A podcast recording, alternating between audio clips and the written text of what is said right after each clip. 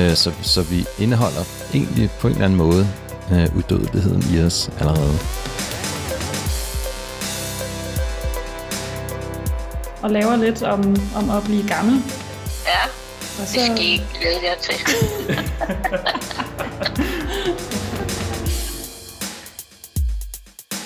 Goddag kære lytter, og velkommen til endnu et afsnit af Stetoskopet. I dag der skal vi snakke om, hvordan man bliver 100 år gammel. Og øh, der er jo sikkert nogle af jer, der tænker, hvem i alverden er det, der snakker lige nu? Fordi der er jo nok ikke nogen af jer, der har hørt mig før. Jeg hedder Mikkel Henningsen, og jeg er ny i Stetoskopet. Øh, Jeg studerer medicin og øh, er halvvejs. Og øh, i studiet, der sidder jo mine lidt mere erfarne kollegaer, så vil I ikke øh, introducere jer selv? Ja, hej, og jeg hedder Mika Andersen, og jeg arbejder til dagligt som læge. Jeg hedder Anne-Katrine Rosenkrantz. Jeg er uddannet sygeplejerske og har en kandidat i folkesundhedsvidenskab, og så arbejder jeg til daglig inde på Statens Serum Institut. Og i dag der skal vi jo øh, som sagt sætte fokus på aldring, i sund aldring, og hvordan man øh, måske kan blive 100 år gammel. Og øhm, til det, der skal vi øh, interviewe Morten Skype Knudsen, som er lektor på Center for Sund Aldring. Og han kan forhåbentlig besvare en masse spørgsmål om, hvorfor det er, vi bliver gamle, og hvad der, er, der sker sådan helt ned på molekylær niveau i kroppen, og forskellige kulturelle forskelle på aldring, og en masse spændende ting, vi forhåbentlig får svar på, når vi skal ud på en reportage. Undervejs i vores program, så vil vi jo også øh, prøve at teste lidt øh, forskellige ting. Man hører jo lidt om, hvad der kan være en god øh, kur, eller hvad man skal sige, mod øh, aldring. Og øh, derfor så ved jeg ikke, Mika, vil du måske forklare det løg, der ligger på bordet her? Ja, det vil jeg gerne. Og det er jo fordi, at jeg engang for lang tid siden hørte en mand i radioen fortælle om, hvordan han var blevet 100 år gammel. Og det, det råd, han havde, det var, at hver dag, så spiste han et råt løg. Så det måtte være hemmeligheden. Et råt løg, ja. Jamen, det var da et øh, finurligt tip. Er der måske nogen, der smager bedre? Spørger jeg lidt ledende. Ja, jamen øh, jeg har jo hørt, at et glas rødvin i ny og næ, det skulle øh, hjælpe en godt på vej mod, øh, mod de 100 år. Og øh, det er jo faktisk det, vi sidder med lige her. Så øh, skal vi ikke øh, skåle på det? Jo. Skål. Skål. Ja, og Mika og Anne-Katrine, I var jo ude og interviewe Morten. Ja, vi har været på besøg hos Morten Skejby Knudsen og hans forskningsafdeling. Og det er jo på Københavns Universitet, som vi jo sidder øh, rimelig tæt på lige nu her i vores studie. Så øh, vi gik over i den del af universitetet, der hedder Mærsktårnet, hvor at, øh, Vi fik svar på en masse ting. Så er vi på tur. Hvad er det, øh, hvad er det vi skal blive kloge på i dag, Mika? Jamen altså, vi håber på, at, at Morten han kan fortælle os en masse om, hvad man, hvad man forsker i med aldring. Sådan noget med, hvorfor vi bliver gamle. Hvad der det sker i, i cellerne. Morten han har forsket på området på sådan lidt mere DNA-niveau i øh, 15 år. Og jeg har haft et lille telefoninterview med ham allerede, og han lyder både sød og klog. Så det synes jeg er en god start. Så er vi kommet indenfor på Pano. Nu skal vi bare... finde Center for Sund Aldring, som øh, angiveligt skulle være et sted her i Mærkstårnet. Det kan være, at vi lige skal ringe til Morten. Det... Hov, kunne det ikke være ham der? Skal vi vinke til ham? Hov, det er så meget ham. Jo, okay. Okay, yes.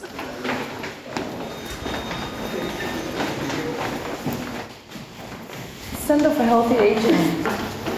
Hej, undskyld, der vi blev lige fanget nede ja. med, i kælderen. Hej, Anne-Katrine. Hej. Mange tak, fordi du vil uh, tage dig tid til at mødes med os. Vil I have en kop kaffe eller noget? Det vil jeg vildt gerne. Det er godt for rigtig aldring. gerne. Men Morten, vil du ikke starte med at præsentere dig selv, og hvad det er, du arbejder med? Det kan jeg godt. Jeg hedder Morten Skejby Knudsen. Jeg er læge og en lektor og forsker i aldring.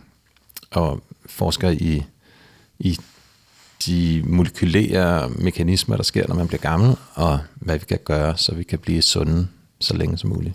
Og øh, hvordan er du endt altså fra at gå og være øh, læge til at, at sidde her i, i Mastrådet? Ja, det er en lang øh, historie. Øhm, altså, jeg, efter jeg blev læge, så arbejdede jeg som, øh, som læge på Slagelse Hospital og, og i Grønland i en kort overgang, og tog så til USA og forskede på National Institute on Aging, som er en del af NIH, som er det her kæmpe store forskningsinstitut i USA, det største i verden. Øhm, og øh, der var jeg i otte år, og så øh, kom jeg tilbage til Danmark og startede som en egen forskergruppe her. Og hvor, hvorfor lige aldring af alle emner? Men altså, det er jo sådan noget, som jeg tror, jeg har været fascineret af, siden jeg var teenager. Ikke? Altså, det er sådan noget med, at man ser sine bedsteforældre blive gamle, ikke? og man ser sine bedsteforældre dø. Ikke? Og så tænker man, hvorfor skal man blive gammel og dø? Og er der noget, vi kan gøre ved de her sygdomme, ikke? som man får, når man bliver gammel?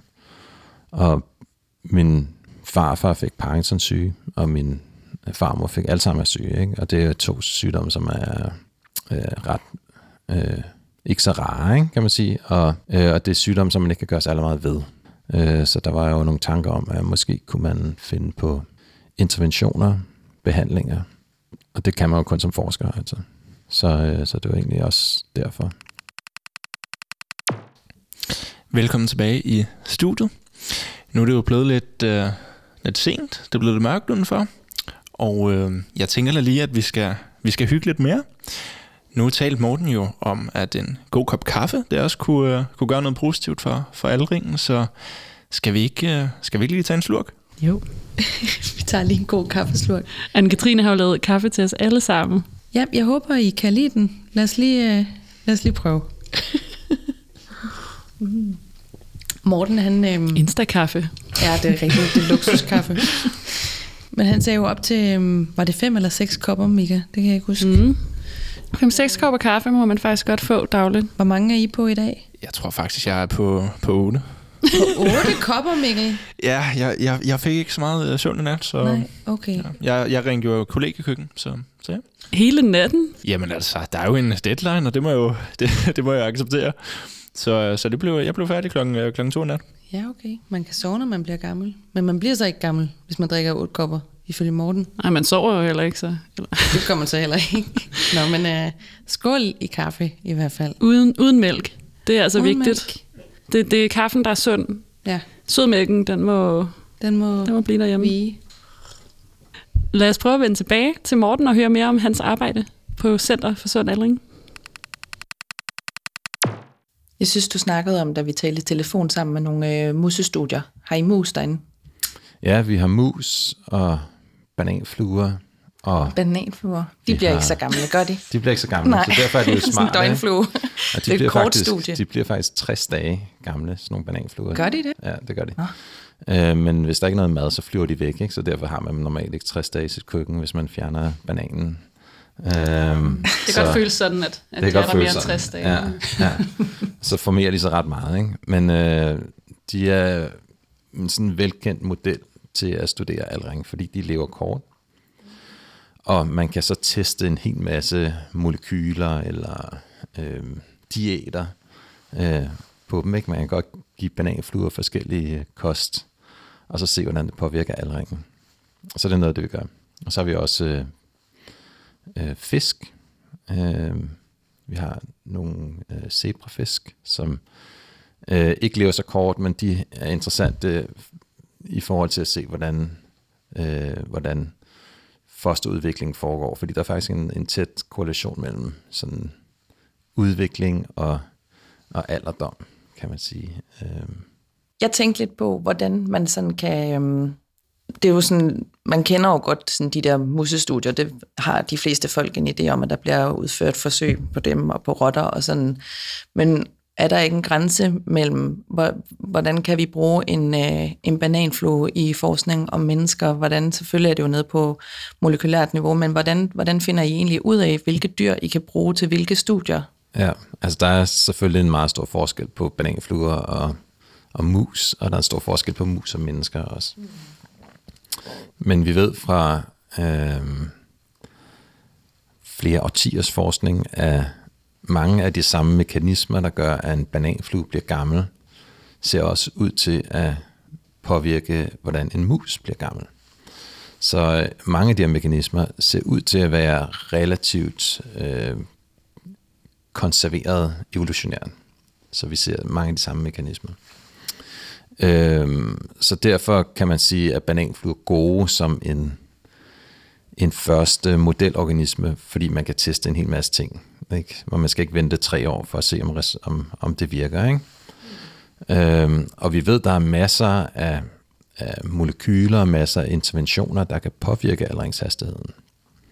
Så derfor øh, er bananfluer formentlig en god øh, organisme til ligesom at starte øh, med, med sådan en screening af, af interventioner øh, for at se, hvordan de påvirker aldring.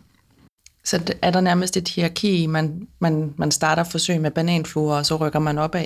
Kan ja, man sige det, det sådan? præcis. Altså det, man kan også... Øh, altså ofte går, går vi endnu længere ned, så starter vi på, med celler i en i cellekultur. Ikke? Så har vi... Og der kan vi teste tusindvis af molekyler. Ikke? Hvis, vi teste, hvis vi tester lægemidler for eksempel, kan vi teste tusindvis af læge, lægemidler og identificere øh, lægemidler, der påvirker aldring i celler. Øhm, og det gør vi på forskellige måder faktisk. Vi har øh, en tredjedel af mit laboratorium bruger sådan computer. Det er sådan nogle computerfolk, der sidder med kunstig intelligens og analyserer aldring ved hjælp af kunstig intelligens. Så der kan vi for eksempel se på, på noget, der hedder senescente celler. Det er sådan nogle zombie-celler, som der øh, akkumulerer i vores krop, når vi bliver gamle, men dem kan man også se på i, i en petriskål i laboratoriet. Og så kan vi altså teste interventioner på de her celler i petriskålen for at se, hvordan om vi kan gøre de her øh, gamle celler unge igen. Så det, det er en første del, ikke? og så kan vi så gå fra den del over i bananfluer, og teste bananfluer, og så gå videre til mus og teste i mus, og så til sidst øh, er målet så at teste i mennesker. Hvor kommer zebrafiskene ind? Altså zebrafiskene er, er ikke en så god øh, aldringsmodel faktisk, fordi de lever cirka lige så længe som en mus øh, gør. Så, øh, men zebrafisken er ideelt til at se på ændringer, der sker i, i fosterudviklingen. Og man kan sige, det er jo interessante er jo, at, øh, at der sker jo et eller andet med øh, under fosterudviklingen og under øh, befrugtningen af ægget, øh, at der bliver ægget ligesom ungt igen, ikke? Og man bliver ikke født gammel, man bliver født ung. Ikke? Så på et eller andet tidspunkt, så bliver aldringsprocessen ligesom nulstillet i fosterudviklingen. Og der er noget ny forskning fra øh, nogle folk på Harvard, som der viser, at måske nulstilles den her aldring ikke ved ægget, men faktisk et par dage, en uges tid efter ægget er, øh, er blevet befrugtet. Så noget af det aller øh, hotteste, noget af det allermest interessante inden for aldringsforskning nu her, det er øh, at kigge på, hvordan man kan øh, ligesom resette vores celler til en mere øh, stamcellelignende tilstand. Øh, og det øh, kan man sige, det er jo, stamceller er jo, er jo dem, der bliver dannet, når vi er foster, ikke? og under vores fosterudvikling. Øh, vi ved jo ikke, hvorfor at, øh, at vi bliver født unge, kan man sige. Ikke? Det er jo interessant, at, at vi alle sammen indeholder øh, sådan den kimen til udødeligheden, ikke? ligger faktisk i vores kønsceller. Ikke? Og vi kan, vi kan følge vores, øh, vores celler bagud i tid, ikke? flere milliarder år. Ikke? Så der er en cellelinje, som der har overlevet flere milliarder år, som der har delt sig, som vi alle sammen er en del af. Ikke? Og vi indeholder de her celler i form af vores kønsceller, som igen kan danne nye kønsceller, som kan danne nye kønsceller, som kan danne nye kønsceller. Øh, så, så vi indeholder egentlig på en eller anden måde øh, udødeligheden i os allerede. Så det skulle være med de her sådan kønsceller, eller sådan, selvfølgelig kan det jo ikke være en til en, men hvis man ligesom skulle sige, at vi skulle bremse den her aldringsproces, så ville det være den her evne til ikke nødvendigvis at danne nye celler, men til at sådan regenerere de celler, der allerede er, altså forny ja, dem igen. Ja. Eller omdanne nogle af vores celler til stamceller. Altså et af de problemer, der sker ved alderen, det er, at man taber stamceller. Og stamceller er jo celler, der ligger i vores væv, som der kan lave nye muskler og nye hudceller osv. Øh, og dem taber man med alderen. Øh, så hvis man kan øh, opretholde mængden af stamceller, så kan det være, at man kan påvirke aldringshastigheden. Og hvorfor er det, for at bare stille et spørgsmål sådan helt uh, lige til, hvorfor er det, at vi ikke bare så kan fylde en masse øh, nye stamceller ind i folk, og så kan de leve 100 år? Hvad er det, der bremser den mulighed, sådan som det er nu? Jamen, det er jo nok mest, fordi man ikke har testet det endnu. Ikke? Altså, det er jo ret nyt, det her. Altså, så, øh, så vi ved ikke, om det virker på den måde. Vi er på bananflue-niveau Vi med er på bananflue-niveau med det her, ikke? sådan lidt. Der er faktisk studier nu, der, der kommer ud i mus, ikke? som der viser, at man kan... Øh, for eksempel øh, var der et studie, der kom ud for, jeg tror, halvandet års tid siden, som der viste, at, at man kan gendanne synet hos blinde mus ved at aktivere de her stamcellegener. Øhm, så vi er lidt længere end bananfluestadiet. Øhm, men altså, tab af stamceller er jo også kun en af de ting, der sker, når man bliver gammel. Ikke? Så der sker jo sikkert mange andre ting. Og jeg tror ikke, at der er ligesom en magisk øh, magic bullet, som vi kan, som vi kan bruge for at, for at gøre, at vi lever øh, meget længe. Altså, der, der er en masse processer, der, der sker, ikke? Det er lidt mere en cocktail, end bare Formentlig. en ja. stamcelle, der skal til. Mm.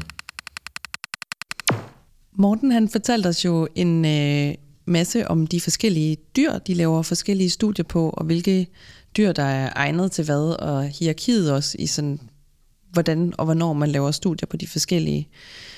Jeg havde personligt ikke set den med bananfluer komme, men det giver jo øh, egentlig vildt god mening i forhold til at studere alder, fordi at man så ikke skal vente 100 år på at, øh, at se resultatet af ens interventioner. Mm. Og øh, Morten han var så sød og viste os lidt rundt i laboratoriet. Og øh, først så var vi faktisk inde og se der, hvor de laver forsøg med øh, celler. Men øh, vi har også taget et lille lydklip med, hvor at han viser os deres bananflue-laboratorium. Det kommer her. Hvor er vi henne nu? Nu er vi på, altså vi er stadig på ICMM, Institut for Cellular og Molekylær Medicin. Nu er vi på det gamle Panum Institut, bygning 18, 4 sal. Men uh, det er vores fluer. Nu bliver der åbnet ind til simpelthen... Øh, Det her det er et, øh, et setup. Jeg kan ikke se, om der er så mange gang faktisk. Men øh, alle de her, det er noget, som vi selv har lavet faktisk. Alle de her mikrocomputere, som der sidder her. Og vi så kan lave øh, meget grundige undersøgelser af bananfluer, som findes i de her forskellige glas. Og så kan vi tracke deres, øh, deres bevægelser over tid og se, hvor godt de overlever. det ligner de små øh, rør, der er sat fast til sådan nogle små computere, hvor Ja. man så kan teste. Sådan nogle mikrochip, Ja. et eller andet nogle ledninger. Mm. Det er meget sci-fi oplevelse, det her. Så det gør, at vi kan fedt. teste øh, hundredvis af interventioner, altså på én gang. Ja, vi får et stort Øh, Så vi kan se på Data. overlevelsen i Ja. tusindvis af, af fluer. Så I har gjort forskellige ting med de her fluer i de forskellige glas, og så Ja. ser, hvor længe de... Hvor længe de lever, hvordan påvirker det deres motorfunktion osv. hvordan det er. Okay. Hvordan, om det, altså ved de fluer kan man sige, det, det interessante ved fluer er, at øh, ligesom mennesker hos mus, der taber de motorfunktionen med alderen. Så de går dårligere med alderen. Mm. Vi ved hos mennesker, at det er en af de stærkeste risikofaktorer for, for tidlig død. Altså for, i virkeligheden for at øh, forudsige en levetid, det er motorfunktionen. Ja. Og det er formentlig fordi, at gang, vores gang er jo, er jo meget afhængig af mange forskellige systemer. Ikke? Vi skal kunne se, vi skal kunne holde balancen, vi skal kunne planlægge, vi skal kunne øh, koordinere med vores hjerne til vores muskler. Så, øh, så tab af den her kompleksitet, øh, altså det her komplekse system, hvis du bare har nogle issues med noget af det, ikke, så begynder man at tabe ganghastighed. Og det er en meget øh, stærk predictor for øh, overlevelsen. Ja, og man kan jo se ind i nogle af de her glas, at der er nogle, nogle fluer, der sådan kravler glade rundt, og så er der nogen, der ligger sådan og ser ret døde ud nede ja. Ja. i bunden. Ja. Altså, jeg vil måske helst være i den her interventionsgruppe herover. Der kravler de sådan lidt. Ja. Det ser meget frisk ud. fart på. Og den der temperatur, er det sådan en rar temperatur for bananfluer? Det er en rar temperatur. Og i. Det var måske lige sådan varmt nok for mennesker Ja. i, i længere tid. Det er meget sjovt at... Men øh, vil, vil du fortælle lidt om, øh, hvilke mekanismer, der gør, at vi bliver gamle? Mm. Jamen altså, der er, der er jo nok et hav af forskellige mekanismer, der påvirker aldringshastigheden. Øhm, en af dem, som vi snakker om med hensyn til, øhm, med hensyn til det her med fosterudvikling, det er stamceller, ikke? at man taber stamceller med alderen. Øh, men det er kun en af, af mange mekanismer. En anden øh, af de underliggende mekanismer, som jeg har forsket meget i, er, er skader på vores celler og skader på vores DNA. Så hver eneste dag, der får vi mere end 100.000 skader i vores DNA, i hver eneste celle i vores krop. Så det er rigtig, rigtig mange skader. Og der er en masse måder, man kan reparere de her skader på. Men det ser ud til, at man med alderen, der akkumulerer man DNA-skader. Skader, som vi ikke kan reparere. Og vi forsker i forskellige måder at, øh, at fjerne de her DNA-skader, sådan at vi øh, kan gøre celler yngre, eller få bananfluerne til at leve længere. Så det er der, vi er med hensyn til de her interventioner. Så er der andre ting. Øh, der er noget, der hedder telomerer, som er strukturer, der sidder i enden på vores DNA-molekyler, og de forkortes med alderen. Ved hver celledeling, der rører der en lille smule af spidserne af vores kromosomer. Øhm, og de, så de bliver kortere og kortere, og på et eller andet tidspunkt kan cellen ikke dele sig mere. Øh, så får man skader i mitokondrierne, det bidrager formentlig også til aldring. Øh, vi får også skader i det, der hedder den ekstracellulære matrix, som er bindevævet, der sidder omkring vores celler. Øhm, og der, det er jo et øh, problem, som er, er mere svært at løse, ikke? fordi at vi ikke så godt kan påvirke noget, der er uden for cellerne. Øhm, så får vi ændringer i vores stofskifte. Vi får en akkumulering af de her gamle senescente celler. Jeg plejer at sammenligne dem med sådan nogle sure gamle mænd, øh, der sidder i øh, og laver ingenting, øh, men er bare sure og udgyder øh, sådan nogle øh, inflammatoriske øh, cytokiner, altså de her celler, de afgiver sådan nogle stoffer, der gør, at, at der bliver dannet en betændelsestilstand omkring dem. Ikke? Man kan godt forestille sig sådan en sur gammel mand, der bare sidder og er sur. Ikke? Øh, så øh, det ser ud til, at hvis man fjerner de her øh, gamle celler, så lever øh, så lever organismer længere. Det har man gjort i mus. Og er ved at teste faktisk også i mennesker. Øh, så der er en hel masse processer, der øh, påvirkes med alderen. Vi akkumulerer også for eksempel øh, øh, sådan skrald i vores celler, altså protein, der aflejres i vores celler, som vi ikke kan nedbryde. Det ser man for eksempel i neurologiske lidelser, i Alzheimer's syge, der akkumulerer man noget, der hedder beta-amyloid, som, øh, som er sådan klumper af protein i vores celler, som man ikke kan nedbryde. Og hvis man skal ind og sådan øh, øh, lappe i godsøjen et DNA, så er det med, hvordan er det med proteiner, man sådan forsker i, hvordan man sådan kan, kan sådan lappe de her skader, der sker, eller er man ikke der, hvor det helt kan det endnu? Ja, altså så det er et rigtig spændende spørgsmål. Vi ved, at med, når man bliver gammel, så, så akkumulerer man nogle skader i, i DNA'et, som ser ud til ikke at kunne repareres. Normalt har vores celler en masse øh, metoder til at reparere DNA.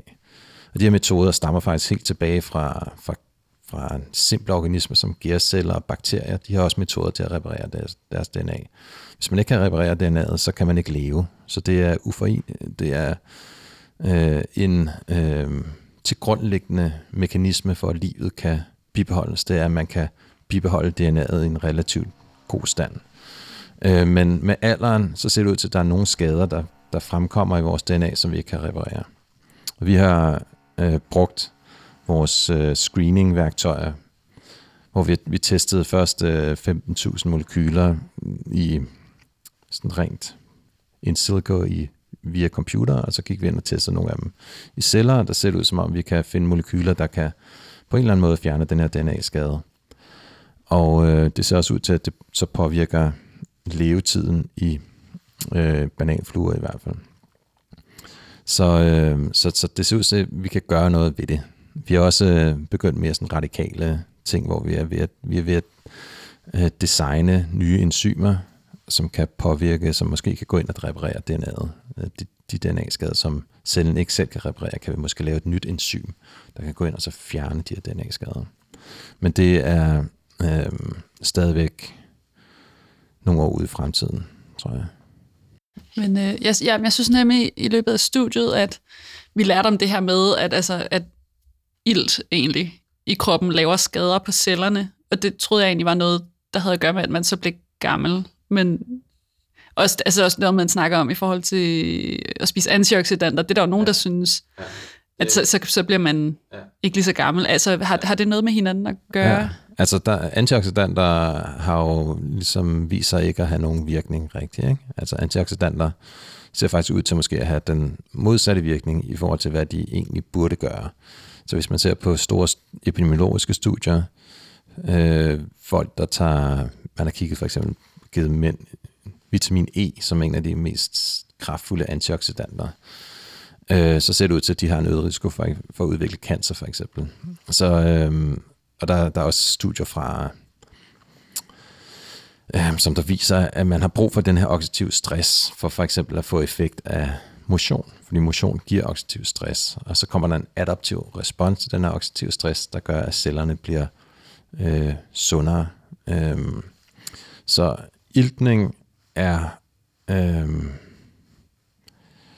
er, er der ikke så stor, tror jeg, øhm, hvad hedder det, der er ikke, der er ikke så mange, der, der tror på, at, at iltning og den oxidative stress er medvirkende til aldringsprocessen. Antioxidanter er, er, er, skal man ikke tage, faktisk. Altså, der, der er masser af Øh, altså der er masser af sådan nogle, øh, altså hvis man køber en Superfood, så superfood og sådan noget, ikke, som, mm. som indeholder antioxidanter. Ikke? Der er mange antioxidanter i bær og sådan noget. Øh, men der er også masser af andre stoffer i bær, der formentlig er sunde. Vi ved, at mange øh, af de molekyler, der påvirker aldringshastigheden, er, er noget, man kalder fyto, fytokemikalier. Øh, og det, det øh, er øh, ikke i sig selv nødvendigvis antioxidanter, men det er molekyler, der, der går ind og påvirker øh, vores gener, og hvordan vores gener bliver udtrykt. Øhm, og det har ikke så meget at gøre med anti, formentlig ikke så meget at gøre med antioxidanter. Hvad, øh, Mikkel, jeg, jeg synes jo, jeg har læst, at sådan et, øh, et løg, det er det, man kalder et superfood. Ligger det ikke øh, og kigger lidt på dig?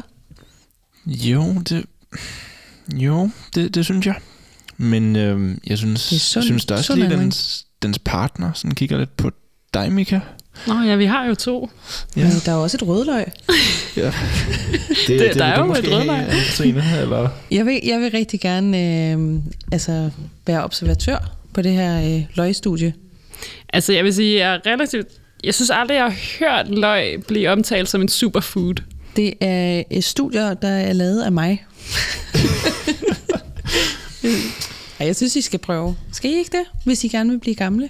Jamen, jeg, jeg er gerne uh, forsøgskanin, så Jamen, jeg vil også gerne blive gammel. skal, vi gør ikke, det? øh, skal vi ikke sætte tænderne i? Mikkel har faktisk, øh, Mikkel har faktisk øh, snydt hjemme fra sådan et ægte tv-køkken og været ude og skralde to løg. det er, Guilty as charged. klokken er 23, og Mikkel og Mika skal til at spise et løg. Hvad man ikke gør for research. Jamen, velbekomme, venner. Tak.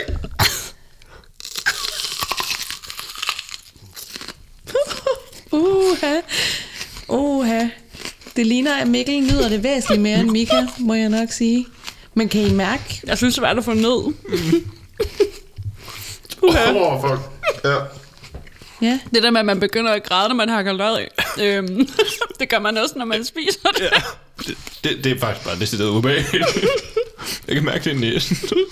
Det er dejligt frisk man på en ikke, eller man anden må måde. lide for skønheden. Det kan være, at det... Oh. Ej, jeg skal lige have noget vand. Det var øh, det, vi her på studiet kalder en succes. Mikkel has uh, left the, The studio. Jeg får lidt øh, ristet hotdog med det hele vibes fra det her rulløg. Mikkel, øh, vil du lige øh, give din... Jeg kan, jeg kan lige informere lytterne om, at Mikkel har...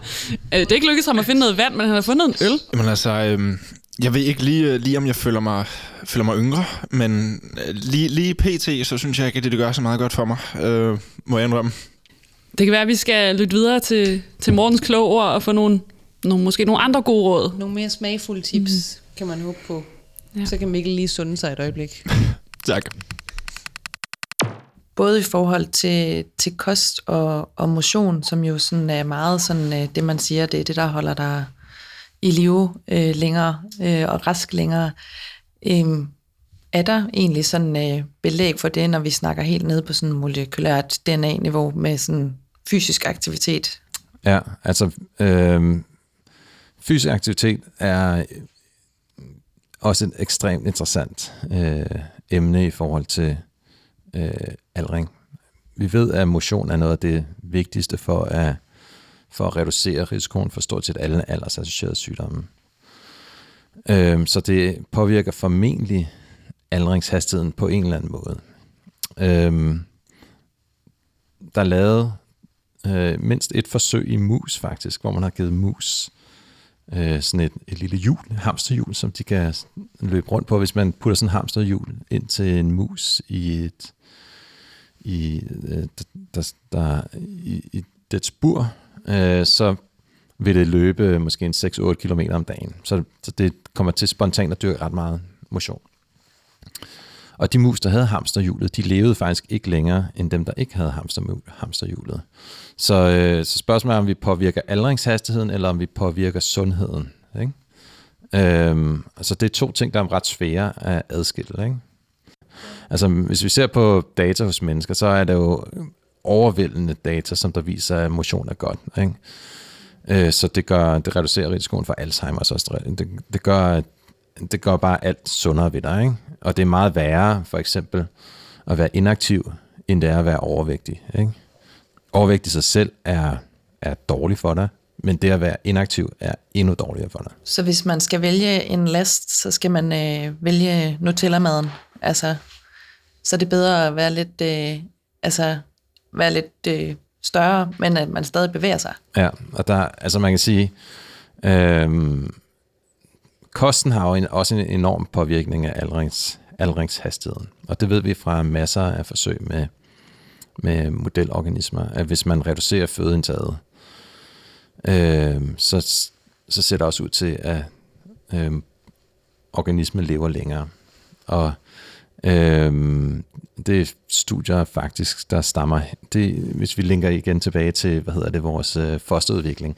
Der blev lavet nogle studier i starten af 1900-tallet, øh, som undersøgte, hvordan responderer øh, teenage mus på, på sult, altså på hungersnød, ikke? fordi man gerne vil forstå, hvad sker der, med når, når befolkningen udsættes for hungersnød. Og der så man, at de her mus, de udviklede sig lang- langsommere.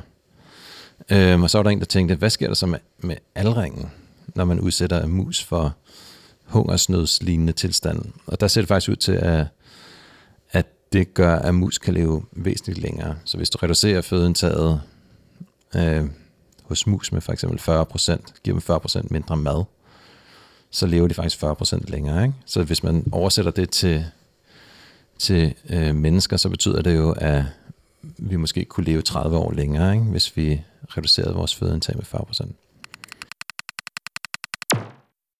Nu har vi jo hørt lidt fra Morten, som er forsker i det her med aldring. Og vi har også snakket med en anden ekspert, men det er en lidt anden type ekspert. Og det er min mormor, som jo er ekspert i at blive 98 år gammel. Mega sej mormor, du har. Altså, Gerda, hvor havde hun, øh, hun var fuld af visdom. Altså, virkelig sjovt at snakke med hende. Ja, så øh, vi hører lige et lille klip her, hvor vi sidder og, og ringer til hende fra studiet.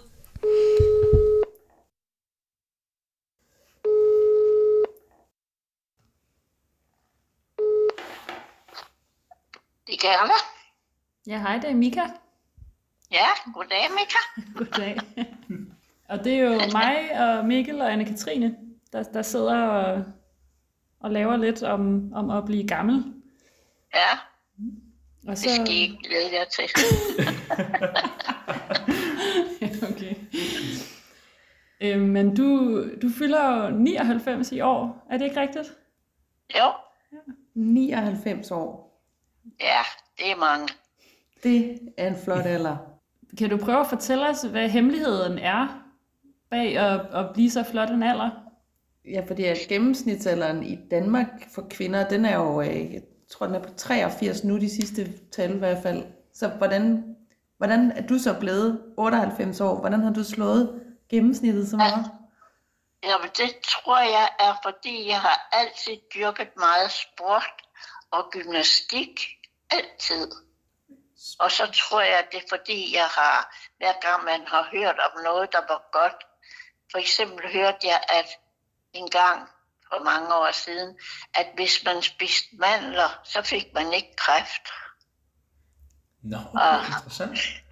Ja, og, og det troede jeg på. Og det tror jeg stadigvæk på. Så du har spist rigtig mange mandler? Jeg spiser mandler hver dag, og så spiser jeg. Det er også noget, jeg har hørt med bananer. Det skulle være godt for hjernen. Jeg er gået til yoga. Det har jeg dyrket i mange år. Mika, Ja, Mika har det. fortalt os, at du kunne nærmest få benene op på nakken helt frem til for 10 år siden, med alt det yoga, du har dyrket. Er det rigtigt? Ja, jeg har kunnet sætte ben derop. Det er rigtigt nok. det er godt nok sejt, som 88-årig. Men øh, tusind tak, fordi at du lige vil komme med nogle gode råd. Vi må få nogle mandler ind i studiet og sidde og tykke lidt på. Ja, jamen, jeg, jamen, jeg tror, I skal gøre det. Man kan jo ikke mærke, at det hjælper, men jeg tror på det. Det gør, det gør måske også noget. Tro kan jo flytte bjerge. Det er så smukt sagt. Og du er jo et levende bevis på det. Ja, det tror jeg. ja, ja øh, når jeg kommer hen til lægen til kontrol, som han skal en gang imellem, så siger han gerne, at jeg er hans yndlingspatient. han kender ingen, der altid har haft så fine tal. Men øh, tusind tak, mormor. Jamen, det var så lidt. Mange tak, Gerda. Ja, virkelig tak, fordi du var med. Og tillykke med, med de 99 i år. Ja, tak skal du have. Men du, du må have det godt. Ja, tak for det. Lige måde. Jo, tak.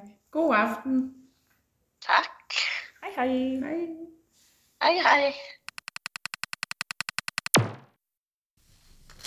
Det var ordene fra vores anden ekspert. Hold nu op en sød mormor, du har, Mika.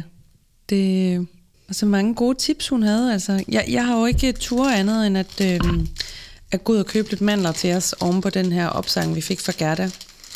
Er det noget, jeg kan byde på? En lille, det er en øh, økomand fra Netto, vi har gang i her. Men jeg tænker sådan i alderdommens navn, så er vi jo næsten nødt til at, at prøve os med det. Jeg synes, hun talte meget varmt om det, Gerda. Ja, ja. Ja, Smager bedre end, smager bedre end løg. Det er jo sådan en øh, stresstilstand, kan man sige, at blive udsat for, for hungersnød, Ja. og sådan, som så kan vise sig at have sådan en, en, gavnlig sundhedsmæssig effekt. gavnlig effekt. Ja. Øhm, der er jo også den her, øh, det her diskussion om, øh, om faste hos mennesker også, i hvert fald op til 14 timer, tror jeg, var det ja. Bente Klarlund, der har været ude 12-14 timer. Mere.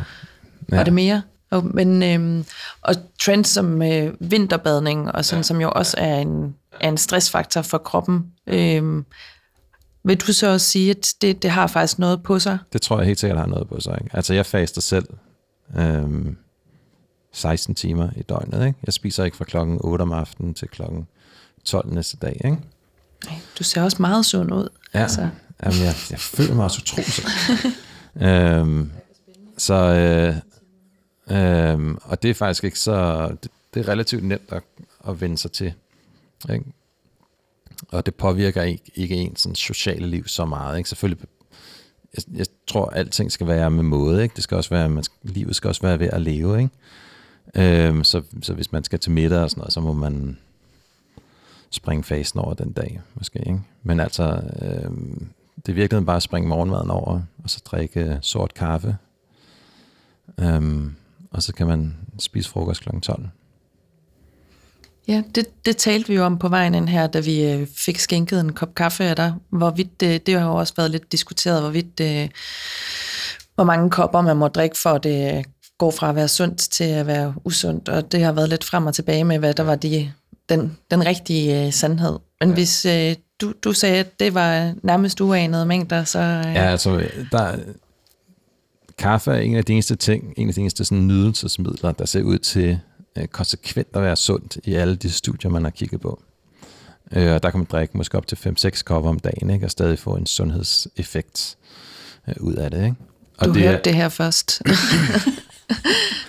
øh, og det kan man sige, at øh, effekten ser også ud til at være større end te, end folk, der drikker te, ikke? og grøn te med antioxidanter og sådan noget. Ikke? Øh, så øh, jeg anbefaler klart kaffe. Og altså, ved man, hvorfor det, det er sundt? Nej. Men kaffe indeholder også en masse af de her fytokemikalier. Altså en masse, det er jo også en plant, et planteprodukt, ikke? Øh, vi ved, at øh, nogle af de her planteprodukter påvirker aldringshastigheden. Der er et, et meget berømt planteprodukt, som hedder resveratrol, som der findes i, i øh, vindrueskallerne, i røde vindruer. Ikke? Og det er det, som øh, øh, som ligesom var tanken bagved, at, at, at kunne være, at derfor at rødvin var sundt. Ikke? Nu er rødvin ikke sund, skal lige nævnes desværre. De seneste studier viser, at, øh, at der ikke er nogen sundhedsbenefit ved rødvin, selv i minimale doser. Ja, det var lidt nedslående. Ja, det... Ja, vi er jo lige blevet informeret om, at øh, den rødvin, vi hældte op i starten af programmet her, fordi vi troede, at det måske var godt for ens helbred og aldring, det er slet ikke sundt. Så jeg vil sige, at jeg er stadig en lille smule i overvejelsesfasen, om vi, om vi bare skal klippe alt det her ud, og så lade folk være i, i blinde. Men øh, ej, vi er vel, øh, vi er vel ærlige mennesker, er vi ikke? Jo. jo. Men nu hvor vi har en så god drue i klassen, skal vi så ikke lige skåle en sidste gang? Jo. Jo. Skål. Skål. Altså, i dag, ikke? Sidste skål for i dag i hvert fald. Yes, yes. Ja. Enig. Skål. Ja. Hvad med sådan noget som mørk chokolade, synes jeg også, man mørk har snakket chokolade ser ud til at være sundt, ikke? Ja. Og i, i virkeligheden er indtag af fedt, øh, ser ud til at være generelt rigtig sundt, ikke? og meget sundere end indtag af kulhydrater. Øh, hvis man ser på, øh, der er lavet studier på hvor man ser på overlevelsen fem år efter, i, i sådan fem års studie. Øhm, og jo mere fedt folk spiste, altså jo mere energi de fik fra fedtindtag i forhold til kulhydratindtag, jo lavere var deres risiko for at dø. Øhm, så fedtindtag ser ud til at være rigtig godt for dig. Sukker er, ser ud til at være rigtig, rigtig skidt for dig. Øhm, gælder det både mættet og umættet fedtindtag? Øh, ja, det er et godt spørgsmål. Ikke? Der er en lille smule øh, mere benefit ved umættet øh, fedt, men øh, det gælder for begge dele. Man skal huske på, at det er en god idé at, at spise øh, vegetabilsk fedt, altså fedt fra planter, fordi at planter kan ikke lave kolesterol. Så det vil sige, at du får ikke kolesterol. Hvis du spiser animalsk fedt, altså smør, øh, så indeholder det også kolesterol. Øh, og ketonstoffer er formentlig rigtig sunde. Okay. Og ketonstoffer er også noget af det, som der dannes, når vi faster. Ketonstoffer dannes fra fedt. Det kan man få, når man faster, eller det kan man få, hvis man indtager meget få øh, kulhydrater og har en, en større indtag af fedt. Vi har studier, som ikke er publiceret endnu, som der viser, at øh, ketonstoffer formentlig er rigtig godt for hjernen. Øh, man har lavet studier med øh, øh, altså ketogen diæter og øh, modeller af Alzheimer's og Parkinsons syge, der ser det ud til, at en ketogen diæt ser ud til at være godt for, for de her mus. Så jeg tror, at fedt er godt for hjernen. Og fasen har jo en, en, øh, en del af samme effekt, at man producerer ketonstoffer. Der sker også andre ting, når man faster, at du får de her reduktioner i blodsukkeret, som gør, at, at cellen kommer ind i den her stresstilstand, og cellen fornemmer, at, at, øh, at den mangler energi, og så aktiverer den nogle processer, der gør, at dens energiproduktion bliver bedre. Og den fjerner øh, gamle øh, proteiner, som der måske ikke virker så godt mere. Så man får aktiveret noget, der autofagi for eksempel, som der spiser gamle proteiner, så man får lavet nye, mere effektive proteiner. Øh, så man får aktiveret nogle, nogle processer i cellen, når man faster, som man ikke nødvendigvis får aktiveret ved en ren ketogen diæt. nu har du jo også en baggrund som læge, så øh, hvis du sad som praktiserende læge, og der var en, der kom og spurgte dig, hvordan lever jeg mest sundt i forhold til kost? Mm. Har du så nogle konkrete råd, du, du ligesom synes, der er nok videnskabelig opbakning til, at du ville ja. kunne give videre? Altså, der skulle være meget lidt kulhydrat, ikke? Det skulle være en, det skulle være en ren vegan. Altså, skal man blive veganer, ikke? Eller vegetar i hvert fald. Øh, så en, en vegetarisk diæt er nok meget sundere end en diæt, som indeholder øh, animalsk protein.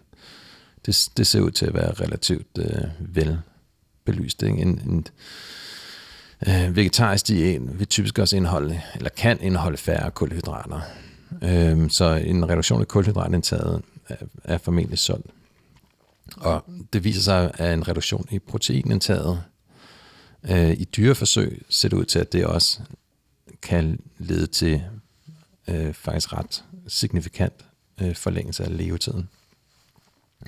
Og en øh, vegetarisk diæt har typisk færre proteiner. Øh, så, så det vil jeg anbefale. Og nu har vi hørt lidt fra Morten om, hvilken type kost man skal spise ifølge forskning, hvis man øh, gerne vil blive gammel. Og hvordan hænger det, hvordan passer det sammen med den kost, I spiser normalt? Ja, altså, jeg lever ikke rigtig op til, til det, som Morten han siger. Jeg, jeg tænker faktisk ikke øh, så meget over min kost igen. Altså, udover at jeg bare passer på ikke at få for mange kalorier. Øhm, ja, og så, så træner jeg en masse, og så Ja, så sørger jeg bare for at, for at få nok øh, proteiner. Øh, til gengæld så er jeg stor tilhænger af at faste. Det har jeg prøvet en masse gange. Og, øh, og det, det synes jeg faktisk er rimelig fedt, når man lige vender sig til det, så, så for, er det som om, man får en, en god energi i løbet af dagen. Så, så ja. Ja, altså jeg ved heller ikke, hvor meget jeg sådan lige lever op til de her kostråd, men øh, der er jo flere studier, der tyder på, at det her med faste skulle have en, en sundhedsgavnlig effekt, så jeg synes heller ikke, det er sådan er helt ukendt for mig, det der med at prøve at, at have lange mellemrum mellem måltiderne. Nej, men jeg synes, det var interessant, det han sagde om det her med en ketogenkur, fordi at sådan forskellen på, om man indtager en sådan meget sukkerholdig eller sådan fedtholdig øh, kost, og dets betydning for sådan aldring. Fordi den her sådan ketogen kostomsætning, det er jo, når sådan leveren skal nedbryde en masse fedt, som danner de her ketonstoffer, som jo så bliver frigivet til blodet, og som cellerne så kan bruge, men som så særligt hjernen også kan bruge. Det var, det var vel det, han mente også var sådan gavnligt for, for aldring. Ja, og jeg bed jo mærke i det her, som Morten siger med, at mørk chokolade faktisk skulle være ret godt til at øh, blive gammel af. Så, det, er jo, øh, det er jo gode nyheder. Det er rigtig gode når nyheder. Når vi nu fik sådan nogle nedslående rødvinsnyheder. Ja, og der er jo nogen, der har været så søde at købe noget mørk chokolade til i dag, som ligger her på bordet.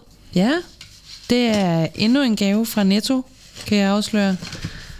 Fairtrade, men altså 85 procent. Ja. ja, der er desværre nok kun mørk chokolade, der, der dur. Den lyse, den, den er ikke lige så god. Øh, den er rimelig øh, koncentreret, den her selvom jeg normalt er, er mere fan af lys chokolade, så synes jeg alligevel også, det kan noget. Igen, det, det, det er bedre end løg. I forhold til det med, hvad man øh, indtager, der kan jo også være ret store øh, forskelle, sådan alt efter hvor vi bor henne på kloden. Nu nævnte du også kokos tidligere og sådan noget. Mm. Det er måske ikke det, sådan gennemsnitsdanskeren spiser mest af. Mm. Øh, har, ved I noget om, øh, eller ved man endnu øh, noget om sådan, hvem, hvem lever egentlig øh, øh, længst i forhold til sådan kostindtag? Hvorhen? Ja, det er et ekstremt interessant spørgsmål. Ikke? Der er mange, øh, der kigger på den her middelhavskost, ikke? Som, der er en, som der har en relativt højt indtag af vegetabilske øh, fedtstoffer, for eksempel olivenolie osv., øh, og også faktisk relativt lavt niveau af protein, og så en del fisk. Ikke?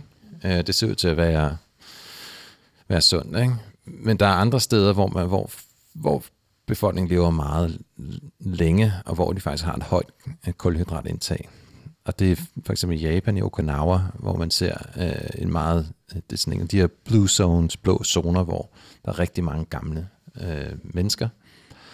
Øh, og de lever jo, de har et meget højt indtag af ris, som er næsten ren kulhydrat. Øh, men her er der jo masser af, af confounders, altså masser af faktorer, der påvirker aldringen. Ikke? Øh, og øh, for folk i Okinawa kan det være, at at man har en øh, man har jo en filosofi i Japan om, at man ikke skal spise sig fuldstændig mæt. Ikke? Det er jo meget anderledes, end hvad vi gør her efter en påskefrokost, ikke? hvor man næsten ikke kan gå, øh, fordi man har spist for meget. Øh, så, så der er masser af confounders her. Ikke? Vi ved også, på Sardinien, der lever folk også rigtig længe, ikke? men der er også noget med øh, øh, lidt flere øh, bakker og sådan noget, måske skal man gå lidt mere op og ned, ikke? så man får en, ens baggrundsmotion er formentlig lidt bedre, end den er i, i Danmark, kunne man forestille sig. I Danmark er der også de her blå zoner. Ikke? Der er en blå zone i Midtjylland af en eller anden årsag, så lever de meget langt, meget længe der. Øh, der ser ud til at være en blå zone øh, i Nordsjælland, øh, kystnære Nordsjælland, Øh, der kan være, og her igen er der jo masser af sociale confounders. Ikke? Generelt kan man sige, at folk, der lever i byer, ser ud til at leve en lille smule længere end folk, der lever på landet. Og det kan jo være noget at gøre med, at man har mere bedre social interaktion i byerne, måske. Men det, det kan være, hvis du lige sådan har et eller andet, I måske forsker i her, altså sådan, om der er nogle ting, man arbejder på, som sådan konkret forlænger levealderen. Ja, altså øh, det er jo nogle af de ting, vi tester i de forskellige organismer. Ikke? På nuværende tidspunkt er der meget få ting, som, som vi ved påvirker øh, aldringshastigheden hos mennesker. Øh, og det er simpelthen fordi, de her studier er meget svære at lave. Ikke? Øh, det tager lang tid at se, om man har påvirket aldringen hos, hos mennesker. En af de store gennembrud, der har været i aldringsforskning, har været vores mulighed for at kunne måle aldring. Så vi kan nu faktisk måle en persons biologiske alder relativt præcis. Og det har man ikke kunne før. Og det gør, at, at vi så kan måle, om vores intervention kan gøre folk yngre. Øhm, og det, så vi har et par forsøg i gang faktisk, hvor vi ser, om vi kan påvirke aldring i mennesker. Øhm, og de studier kom, bliver forhåbentlig afsluttet i, i løbet af de næste seks måneder. Øhm, og så har vi nok et svar, om vi kan påvirke aldringshastigheden hos mennesker. Er det sådan, at øh, de ydre faktorer i forhold til de genetiske faktorer, er der nogen, nu snakker du om den biologiske alder, der er jo nogen, der så er ældre rent øh, inden de er ude på, hvad jeg vil sige, eller ja. den biologiske alder. Øh, er det noget, der simpelthen er, um, skyldes genetik, end mm. hvordan man lever? Selvfølgelig, hvis man er storryger osv., så, så vil det jo påvirke det, men der vil jo også være nogen, der lever måske et super sundt liv, men hvor de egentlig bliver indhentet lidt alligevel hurtigere, end andre gør. Ja, altså det er et rigtig godt øh, spørgsmål. Der er lavet studier i Odense faktisk. En forsker, der hedder Kåre Christensen, som har lavet øh, studier på tvillinger og set på aldringshastigheden hos tvillinger, altså enægget tvillinger, som jo er genetisk identiske. Og der ser ud til, at, øh, at formentlig er det kun omkring 30% af øh, aldringshastigheden, som kan forklares genetisk. Så det vil sige, at resten er formentlig øh, faktorer, der kommer ud fra. Når det er sagt, så har vores gener jo en stor påvirkning af aldring, og det ved vi jo bare med, med den simple observation, at en mus lever tre år, og et menneske lever 80 år. Ikke? Og det, den forskel, der er på os og mus, det er vores gener. Øhm, så genetikken spiller helt sikkert en rolle, men det er ikke en simpel lige til rolle. Øh, og det er ikke et enkelt gen. Det er formentlig hundredvis af gener, der påvirker vores øh, aldringshastighed. Øh, men så den gode nyhed er jo så, at vi så, så formentlig kan gøre noget ved det, ikke? fordi 70% af aldringshastigheden så er ude, udefra kommende. Og der er motion og faste og måske øh, søvn. Gode ting. Mørk chokolade blev der nævnt. Det er også en god ting, tror jeg. En ketogen diæt er formentlig sund. Øh, og så er der jo formentlig også nogle lægemidler faktisk, der ser ud til at kunne påvirke aldringshastigheden. Så der er studier øh, på mus, som jeg faktisk også var medvirkende i, som der viser, at, at hvis man reducerer sit blodsukker ved at indtage metformin, så ser det ud til at, at påvirke aldringen. Så mus, der får metformin, som er et, et lægemiddel, man giver til, til sukkersyge, type 2 sukkersyge, de lever længere end mus, der ikke får det her. Og hvis man ser på mennesker, vi har lavet noget registerforskning, øhm, og øhm, det, her, det er ikke publiceret det her, så det er hemmeligt. Øhm, men det viser, at øhm, så folk, der lytter her, I må, I må ikke sige det videre. Ja. Øh, men det, det bliver viser, mellem os. Ja, det bliver mellem os. Men det viser, at, øh, at hvis man er 70 år gammel, for det bliver diagnostiseret med type 2 sukkersyge, og så får metformin, så lever man faktisk længere, så ens overlevelse bedre de næste 10 år i forhold til helt raske 70-årige. Okay, det er ret vildt. Men falder den så? Så falder den på et eller andet tidspunkt, så krydser den over, og der kan det være, at det er den underliggende sukkersyge, der bryder igennem. Så metformin er et af de stoffer, der faktisk øh, er undervejs til at blive testet i store populationsstudier øh, på sunde, raske ældre. Ja, folk, der ikke har sukkersyge. Folk, der ikke har sukkersyge. Mm. Og det er jo et, et stof, som der er utrolig velkendt. Ikke? Så jeg tror, øh, at vi har ret god data, der understøtter, at, at det er sundt. Og jeg tror, at vi vil se, jeg tror, der er meget stor sandsynlighed for, at det her studie, som der kommer ud fra, øhm, fra New York, at det vil vise en, en gavnlig effekt.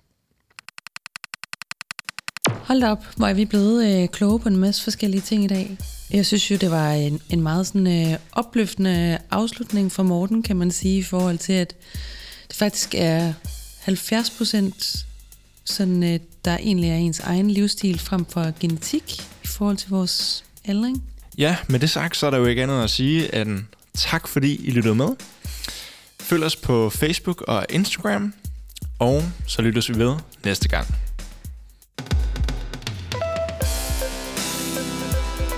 Jeg tror på det. Det gør, det gør måske også noget. Tro kan jo flytte bjerge. Men nu hvor vi har en så god droge... Fuck, det bliver en lang nat. Oh.